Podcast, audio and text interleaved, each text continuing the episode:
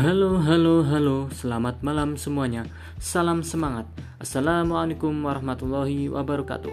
Berjumpa kembali dengan Cek Podcast. Melalui podcast ini, saya akan menceritakan tentang catatan sehari-hari pelaksanaan pelatihan dasar CPNS BPPT 2021. Bersama saya di sini, Zakaria Arif Fikriyadi dari Unit Kerja Pusat Pengkajian Industri Manufaktur, Telematika, dan Elektronika PPIMT, PPPT. Saya tergabung di Latsar Angkatan 3 Kelompok B.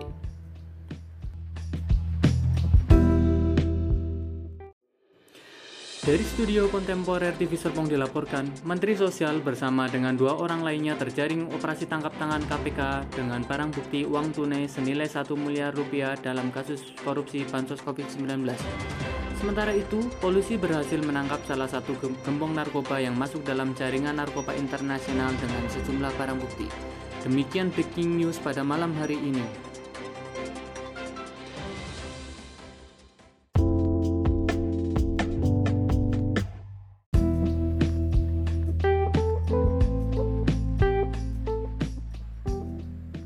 Yap, Sekilas breaking news tadi merupakan contoh berita yang sering terdengar di hampir seluruh saluran media, baik televisi, koran, maupun media berbasis digital. Seperti tidak henti-hentinya, kita menerima berita yang sungguh memprihatinkan tersebut. Korupsi, narkoba, terorisme, bencana alam, kasus-kasus kriminal lainnya, dan yang sekarang mulai marak adalah tentang kejahatan di dunia digital atau yang biasa disebut cybercrime.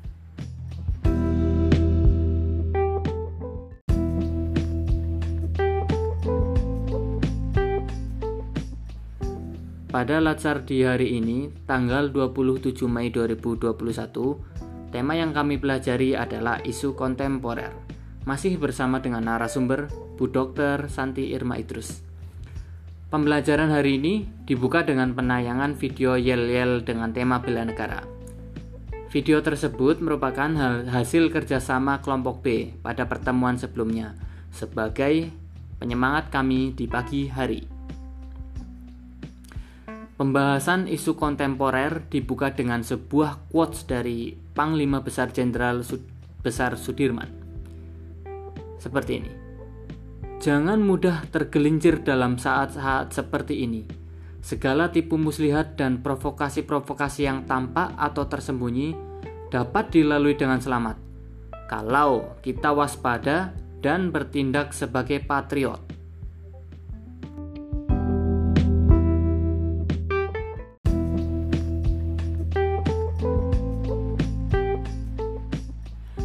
Isu kontemporer merupakan kelompok isu yang mendapatkan perhatian dan sorotan publik secara luas dan memerlukan penanganan sesegera mungkin dari pengambil keputusan. Isu-isu tersebut berpotensi menimbulkan dampak negatif berupa ancaman, gangguan, hambatan, dan tantangan dalam kehidupan bermasyarakat, berbangsa, dan bernegara. Atas urgensi tersebut, maka CPNS harus peka terhadap isu-isu yang ada berkaitan dengan perubahan lingkungan strategis yang terjadi. Selanjutnya, yang perlu menjadi fokus perhatian adalah mulai membenahi diri dengan segala kemampuan, kemudian mengembangkan berbagai potensi yang dimiliki dengan memperhatikan model insani atau manusia, yang merupakan suatu bentuk modal intelektual, emosional, sosial, ketabahan, etika atau moral, dan modal kesehatan yang tercemin dalam bentuk pengetahuan, gagasan, kreativitas, keterampilan, dan produktivitas kerja. Guna menghalau isu-isu kontemporer yang ada, maka diperlukan strategi bersikap yang harus ditunjukkan dengan cara-cara objektif dan dapat dipertanggungjawabkan, serta terintegrasi atau komprehensif. Oleh karena itu, dibutuhkan kemampuan berpikir kritis, analitis, dan objektif terhadap satu persoalan, sehingga dapat merumuskan alternatif pemecahan masalah yang lebih baik dengan dasar analisis yang matang.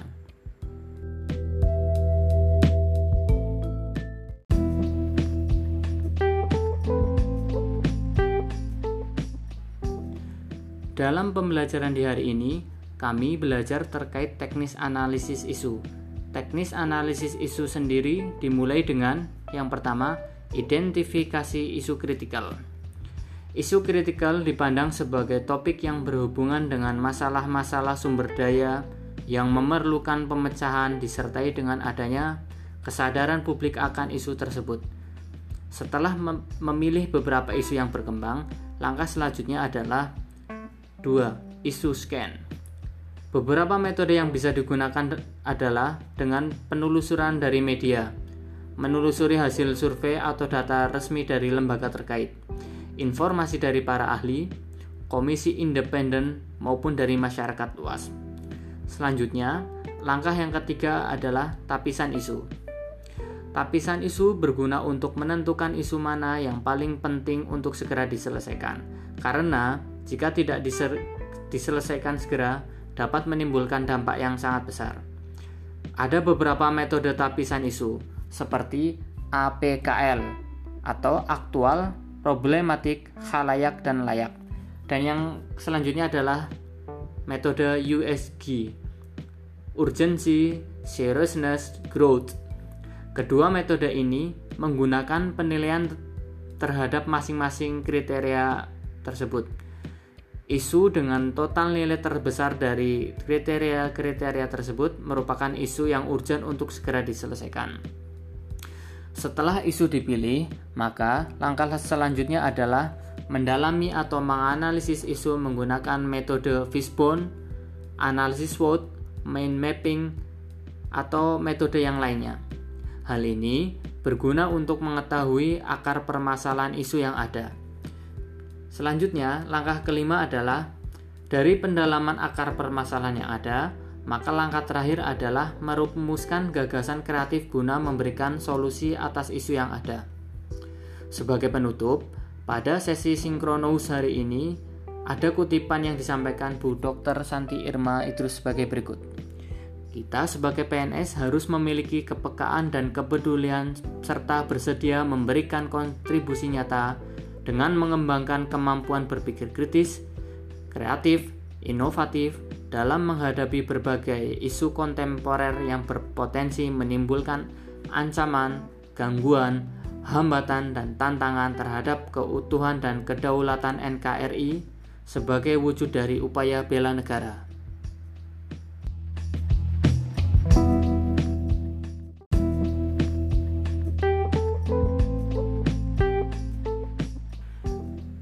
Mempelajari lebih lanjut terkait teknis analisis isu tersebut, maka di sesi asinkronus kami langsung praktek bersama secara kelompok mengerjakan tugas analisis isu kontemporer yang ada. Dari hasil analisis yang kami lakukan, maka ditentukan tiga isu yang diangkat, yaitu terkait data ASN fiktif, data BPJS yang bocor, jual beli jabatan oleh Bupati Nganjuk. Metode tapisan isu yang kami gunakan adalah metode APKL. Dengan metode tersebut, isu yang terpilih adalah kebocoran data BPJS. Isu tersebut kemudian kami analisis akar sebab akibatnya menggunakan analisis fishbone. Dari diskusi, didapatkan bahwa permasalahan utamanya adalah karena kurangnya atau lemahnya kesadaran akan pentingnya keamanan data, baik secara institusional maupun individu. Dari analisis tersebut, maka dapat kami berikan rekomendasi, yaitu edukasi tentang pentingnya kesadaran akan keamanan informasi data pribadi. Yang kedua, melakukan perbaikan SOP keamanan sistem informasi. Sebagai ASN, kita harus sadar akan pentingnya keamanan data serta bisa menjadi agen perubahan dalam penyebar luasan informasi untuk meningkatkan kesadaran masyarakat akan pentingnya keamanan data pribadi.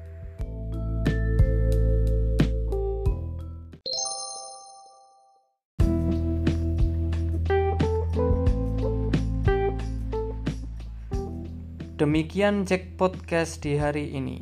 Terima kasih sudah mendengarkan. Sampai jumpa di kesempatan selanjutnya. Assalamualaikum warahmatullahi wabarakatuh. Salam semangat.